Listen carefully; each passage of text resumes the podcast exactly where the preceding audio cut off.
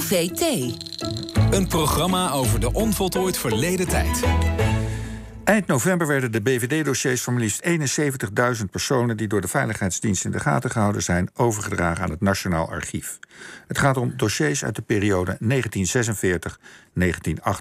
En geïnteresseerden kunnen sinds die overdracht de catalogus raadplegen en een verzoek om inzage indienen. Succes is daarbij niet gegarandeerd, omdat veel van die dossiers nog maar heel beperkt toegankelijk zijn. Nico en Nancy Jouwe deden zo'n verzoek ter inzage van het dossier van hun vader, Papua-leider Nicolaas Jouwe, en ze kregen toegang en zitten hier nu aan tafel. Goedemorgen. Goedemorgen. Ja.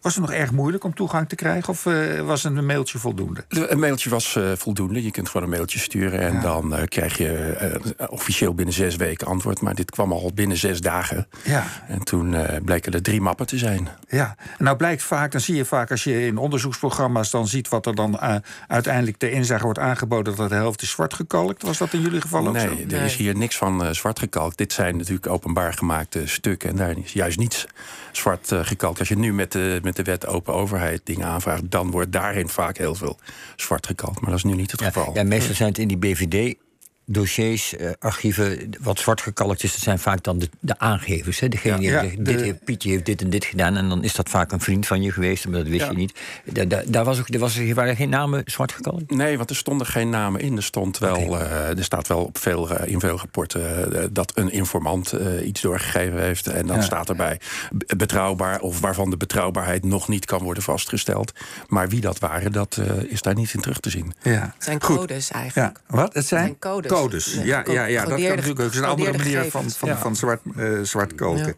Ja. nog even voor we verder over de inhoud van die dossiers gaan hebben.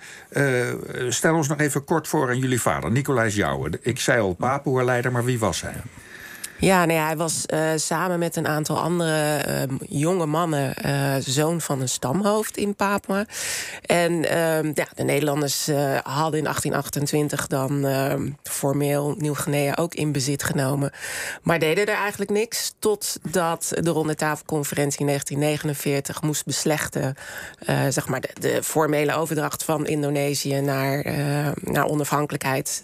Terwijl de Indonesiërs dat natuurlijk al vier jaar eerder hadden uitgeroepen. En um, ja, Nederland hield uh, um, hartstochtelijk vast aan Nieuw-Guinea. En in de ronde tafelconferentie zijn ja. toen een aantal Papua's meegekomen naar Nederland uh, als uh, ja, observers. Mm -hmm. Daar was onze vader bij en ook Marcus Cachepo. En daarna um, ja, begint Nederland ook heel actief te worden in, in, in Papua, Nieuw-Guinea.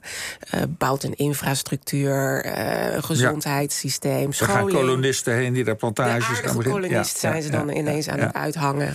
Uh, de ethische politiek wordt eigenlijk weer uit de kast gehaald... en in Nieuw-Guinea voluit in, in, in praktijk gebracht. En, en, en er wordt kadervorming gepleegd. Daar zat onze vader dus bij. Maar in, in de jaren zestig gaat het, wordt het anders, hè? Ja. Ja, maar even. het interessante ja. is uh, dat de BVD, of nou ja, de voorganger van de BVD, eigenlijk al in de 50 jaar begint. Maar wat was er gebeurt. BVD. Ja, was, ja, was al de BVD. En wat, uh, wat er gebeurt is dat Sukarno eigenlijk heel erg zijn zinnen zet op Nieuw-Guinea. Uh, de Russen benadert, Khrushchev geeft wapens, maar ook de Amerikanen benadert. En du moment dat de Kennedy-administration aan de macht komt, gaat, gaat Amerika ook richting uh, de Indonesiërs. Dus ja, Sukarno was gewoon de betere diplomaat. En het was ook Koude Oorlog. Um, dus uh, het werd de diplomatiek beslecht. Maar het was bijna, zoals John Jans Vergalen ook geschreven heeft... Nederlands laatste oorlog. Ja, maar vlak daarvoor nog heeft Nederland op allerlei manieren geprobeerd... om die, die, de, de Papua's nog een soort eigen parlement en een vlag en weet ik veel wat te geven. Precies. Ja, maar even, even ja. voor, de, voor de helderheid. Ja. In 1961, 62 gebeurt het allemaal. Nederland geeft toe aan die ja. druk van het buitenland, van de grootmachten. En draagt Papua min of meer over aan. Ja. Nee, maar ik, ik, ik neem had het nog over daarvoor. Ja, dat zal best. Maar even dat klopt, maar, uh, dus die overdracht vindt plaats. Maar intussen was er al enorm Papua-nationalisme, politiek nationalisme uh, ge, ge, he, geantameerd. Aangewakkerd. Er was een nieuw Generaat, een parlementair orgaan. Waar onze vader dus vicevoorzitter van was samen met Marcus Cachepo. En er moest nog wel een Nederlander aan het hoofd. Die was dan nog wel de voorzitter. Sollewijn Gelpke. Maar uh, ja, dus Papua's werd ook gevraagd: wanneer willen jullie onafhankelijk worden? Dus dat Papua-nationalisme, dat schoot omhoog. dus die Papua's die waren gewoon heel erg bezig met een heel optimistische toekomst. Ja, precies. En terwijl dat bezig is en Nederland eigenlijk die toekomst ze voorspiegelt, nog in 61 met een volkslied en weet ik veel wat, wordt er ook onderhandeld, zoals jij zegt, met uh, Amerika, dat is omgezwaaid, en met Indonesië. Dan worden uh, Marcus Cachepo en jullie vader ook uitgenodigd om naar Nederland en naar New York te komen. Die onderhandelingen zijn, maar ze mogen helemaal niet meedoen. Nee. Uh, dus dat is heel eigenaardig. aan de ene kant wordt er naar onafhankelijkheid toegewerkt, maar de papa's mogen zelf niet meepraten. Ik heb daar jullie vader ooit 25 jaar geleden over geïnterviewd en die zei naar aanleiding van het volgende. Laten we even naar hem luisteren. Wij werden buiten gehouden. We mogen dat niet weten. Ik geloof dat zowel Indonesiërs als Nederlands bestuur waren ze bang dat ik niet in Guinea moet blijven. Het bestaat de mogelijkheid dat wij proclamatie Republiek Papua zouden uitroepen. Ik geloof dat dat, dat, dat, dat, dat de achtergrond is. Waarom moest ik naar buiten en naar Kachepo later ook? Twee vicevoorzitters van de Guinea-raad. werden allebei naar buiten gestuurd. En dat, dat vind ik eh, zwak van Nederland op dat punt. Dus Nederland heeft ons als het ware verraden. Ja. Hij, hij kwam naar Nederland, maar voelde zich verraden door Nederland. Mhm. ja. Uh, jullie zijn opgegroeid. Uh, kregen jullie dat beeld mee? We zitten in het land van onze verraders? Nou, hij, hij, uh, als, als hij het over Nederland had, dan uh, was opmerkelijk genoeg, had hij het altijd over het verraad. Dan voelde hij zich ook verraden. Als hij over de individuele gezagsdragers, de minister, minister Luns en, de, en Bot, de, sprak, dan sprak hij daar eigenlijk niet in die termen over. Daar had hij best wel veel sympathie voor. Wat heel wonderlijk was. Want natuurlijk, Luns heeft ook nooit meer achterom gekeken naar de Papua's. Hè. Was natuurlijk, dat is bekend, de grote voorvechter voor het aanhouden van Nieuw-Guinea. Maar daarna zich niets meer uh, aangetrokken van het lot van de Papua's.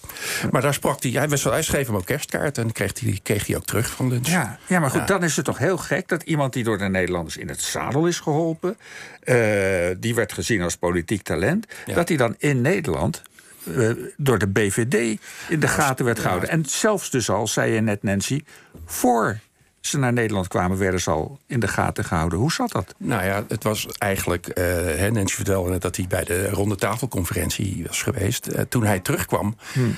uh, dat hebben we in het BVD-dossier gelezen. dat staat daar beschreven. Had hij het kennelijk hoog in zijn bol gekregen. Ja. En ging hij zich eigenlijk heel kritisch uiten over de Nederlandse aanwezigheid. En de, de snelheid, het, het gebrek daarvan, waarmee ze de Papua's vooruit hielpen. Daar liet hij zich heel kritisch over uit. En dat vond uh, de gouverneur, dat lezen we in het dossier terug, uh, eigenlijk best vervelend.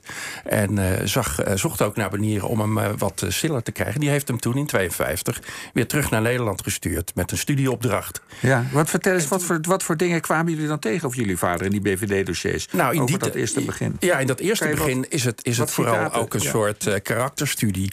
En wordt die, wordt die weggezet als een soort ja, een oproerkraaier en iemand die we in de gaten moeten houden omdat hij uh, nou, mogelijk wel uh, uh, Indonesisch uh, vriendelijk uh, richting de Republiek Indonesië zou kunnen zijn. En dat zou de Nederlandse belangen niet ten goede komen.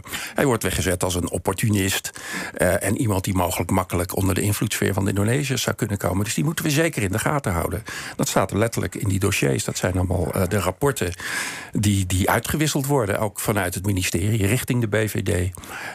en mensen die de, de, de BVD informeren over ja, wat voor standpunten die zo al innemen. Er wordt ook gezegd dat uh, op een gegeven moment Papua's kennelijk niet zo makkelijk meer uh, gronden wilden afstaan aan Nederlanders. En dat ze daartoe aangezet zouden zijn door Nicolaas Jouwen. Dat, soort, uh, dat hield men nauwlettend in de gaten. Wat zijn zijn standpunten? Uh, hoe staat hij ten opzichte van Nederland? Hoe kijkt hij naar Indonesië? Dat werd zorgvuldig genoteerd. Ja. En je merkt een soort uh, in dingen naar waar ze naar kijken ook een soort koloniaal paternalisme. Hè? Zoals Nico ja. al zegt van uh, ja, prima als jij ook in de vaart der volkeren als Papua wil meegaan, maar je moet niet veel spatjes krijgen. En dus er is al heel vroeg een soort framing bezig ten opzichte van hem. Hè. Dus is een quote al uit 52 is het streven van deze heer tussen haakjes is om de baas te worden van Nieuw-Guinea. Hij is een opportunist, heeft doorlopend geldgebrek. Ja, hij is dan nog geen 30. Elke twintiger heeft geldgebrek. Hij is voor elk winstgevend compromis te vinden, dus een dankbaar object voor de RI, Republiek Indonesië. Dus je ziet constant ook van, ja, je moet wel in de pas lopen. En uh, ja, er wordt naar hele persoonlijke dingen ook gekeken. Hè. Onze moeder op een gegeven moment is de verloofde die dan ook opdoemt uh, in het dossier. En um, um, het milieu waaruit zijn verloofde komt en de kringen waarin zij vertoeft, geeft voldoende waarborgen dat Jouwe niet in verdachte Indonesische, Indonesische studentenorganisaties of communistisch getinte kringen verdwaald zal raken. Nou, dus daar zie je ook al, ja, ja het communisme is natuurlijk belangrijk, maar ook, oh, mijn moeder, hè, onze moeder mm -hmm. was Indisch. Zij had een, uh, een Indische, een, een jongere broer die rechten had gestudeerd. Nou, dat was meteen wow, high alert al dat soort dingen werden heel erg in de gaten gehouden. Ook wanneer onze ouders, wanneer het huwelijk goed was, wanneer het huwelijk niet goed was. Oh, ze hebben kennelijk ruzie.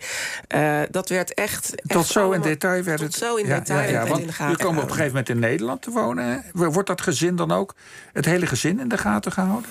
Nou, daar hebben we op zich geen, geen aanwijzingen echt voor uh, gevonden. Het was toch vooral uh, waren het, de, de, standpunten en de activiteiten van onze vader die ze monitorden toen in, in Al en, en ook in, in Nederland. Dan wordt gewoon in de gaten gehouden hoe, hoe verloopt die samenwerking met Kajepo, de andere Papua-leider. Ja. Uh, welke standpunten, uh, hoe zit het met de samenwerking met de Zuid-Molukkers? Is daar sprake van? Wat vinden ze van elkaar? Ondernemen ze? Waar zijn ze dan bang voor? Wat, wat is het, het angstscenario nou ja, van de BVD? En ook dat, dat jullie vader een soort samenzwering met, met andere Papua's ja, gaat organiseren om de macht daar terug te grijpen op een andere manier? Nou, het, de, de, waar ze, waar je, wat je merkt waar ze uh, op is, worden er, nou, is er sprake van radicalisering of het uh, propageren van uh, opvattingen die te radicaal worden. zijn er contacten met mm -hmm. Peking? Dat zie je oh, ook ja? een paar keer terugkomen. Ja, ja. wordt er verteld dat mijn vader op reis gaat van zijn vader. En deze reis is mogelijk betaald door Peking. Oh, Staat er dan in zo'n dossier. En daar komt verder geen vervolg op. Want dat totaal was, suggestief. Was ook, ja, dat was ook helemaal niet het geval. Maar de angst was dat Peking het financierde, want dat was ook de politiek van China. Alle, alle derde wereldlanden helpen om, ja, et cetera. Ja. ja, dus daar keken ze naar. Maar vooral naar, uh, is er sprake van radicalisering of het opzetten daarvan. Daar maakten ze ook ja, uh, zich, zich uh, heel ongerust op, op een, wel, als je dat dossier leest, een grappige manier, dat ze er soms helemaal naast zitten. Hè. De, de dook in 1977 een, een brief op ergens in, in, in, in het oostelijk deel, die geschreven zou zijn vanuit New York door mijn vader, waarin die ja, zou hebben opgeroepen tot uh, terreuracties à la uh, de Palestijnse uh, mensen. En daar werd in een Australische krant over gesproken. Mm -hmm. Daar werd druk over, werden daar rapporten over gespeculeerd. Ja, ja. gespeculeerd. Er zit ook in het dossier een kopie van een kopie van, van die brief. En daaruit staat niet eens de, de, handtekening van mijn vader. Maar wel wordt zijn naam onderin genoemd. Mm -hmm. En dan zie je later wordt dat gecorrigeerd. Ja, deze brief is toch waarschijnlijk niet door Nicolaas Jouwe geschreven. En toen kwamen ze erachter. Wacht even, dit was begin 77. Toen lag hij in het ziekenhuis voor een uh, galblaasoperatie. Hij was er helemaal niet. Ja, hij was ja, helemaal niet ja. in New York. En, en als uh, hier de Molukse acties plaatsvinden, de treinkapingen en dergelijke, zie je dan dat de oplettendheid toeneemt ten opzichte van jullie vader ook? Ja, die Molukse zaak is, wordt constant in de gaten gehouden. Dus Manusama's naam en van allerlei andere Molukkers, ook van mm -hmm. mensen die nog leven, die poppen steeds op. En op een gegeven moment, uh, ook hè, wanneer onze vader bijvoorbeeld op 25 april, de RMS-dag, uh, de, dag voor onafhankelijkheid voor Molukkers, uh, in de houtrusthallen was dat, vond dat altijd plaats in Den Haag. Dat uh, mijn vader of Marcus Jeppo daar spreekt. of wanneer hij juist een ruzie heeft met Manusama. En dan ook precies wat er over Manusama gezegd wordt. Um, en, maar ook ja, echt best wel gedetailleerde rapportages over meetings. waarin de heer Jouwe dan ook weer genoemd wordt. Dus daar wordt constant op gelet. En je hmm. ziet ook nog een specifiek rapport uit 1980. Um, hè, dan zijn, hebben we net die treinkapingen gehad. En dan wordt ook al heel alert, uh, is men heel alert blijkbaar op die uh, radicalisering, dat extremisme. Ja. Ze zijn denk, denk ik constant bang dat, dat Papua's ook geweld gaan plegen in, in Nederland. Terwijl dat nooit is gebeurd en nooit sprake van is. maar er wordt constant op gelet eigenlijk. Blijkt ook uit, de, uit wat we in de dossiers gelezen, gelezen hebben, dat onze vader op geen enkele manier bezig was met het organiseren van terreuracties of met radicalisering. Hij was juist altijd voor het gesprek en, en, en de politieke oplossing. Ja, maar hij had wel contacten in Papua met de OPM, hè, wat daar de, de, de, vrijheidsorganisatie was die wel geweld gebruikte. Ja. En klopt. En, uh, en ook dat wordt constant gemonitord. Ook daar worden de namen heel goed in de gaten gehouden. Wie zijn nu aan zet uh, in het verzet. Um, dus er zijn ook op een gegeven moment OPM-leiders die naar Zweden komen. Dat, dat wordt ook heel goed in de gaten gehouden. Dus ook zijn bewegingen in de Europese diaspora, zou je kunnen zeggen. Kortom, heel hij, is, hij is heel goed in de gaten gehouden. Heeft hij dat zelf ooit vermoed? Ja, zeker. Hij vertelde dat uh, aan ons ook thuis. Hij dacht ook uh, dat, hij, uh, dat de telefoon werd afgetapt. Maar daar hebben we dan in het dossier geen, geen bewijs van gevonden. Maar hij wist vrij zeker dat hij in de gaten werd gehouden. En de Cachet, Marcus ja. ook. En andere Papua's ook. Ja. ja. en, en is dat helemaal tot het einde doorgegaan? Hij is 93 geworden? Ja, nee, nee in, in, het, laatste, de laatste rapport, het laatste rapportje dateert uit 87 ongeveer. en, maar goed, in, in Indonesië toen onze vader in 2010 daarheen uh, vertrok, is hij natuurlijk uh, heel goed door de binnen in de gaten gehouden. Hè. Die hebben hem als het ware omarmd, de Indonesische Veiligheidsdienst. Goed, nou, jullie zijn allebei bezig met de geschiedenis van de ja. Papua's in Nederland. Nodigen we jullie vast nog wel een keer vooruit. Nancy en Nico Jouwen, uh, hartelijk dank voor jullie komst. Dank. Dank je.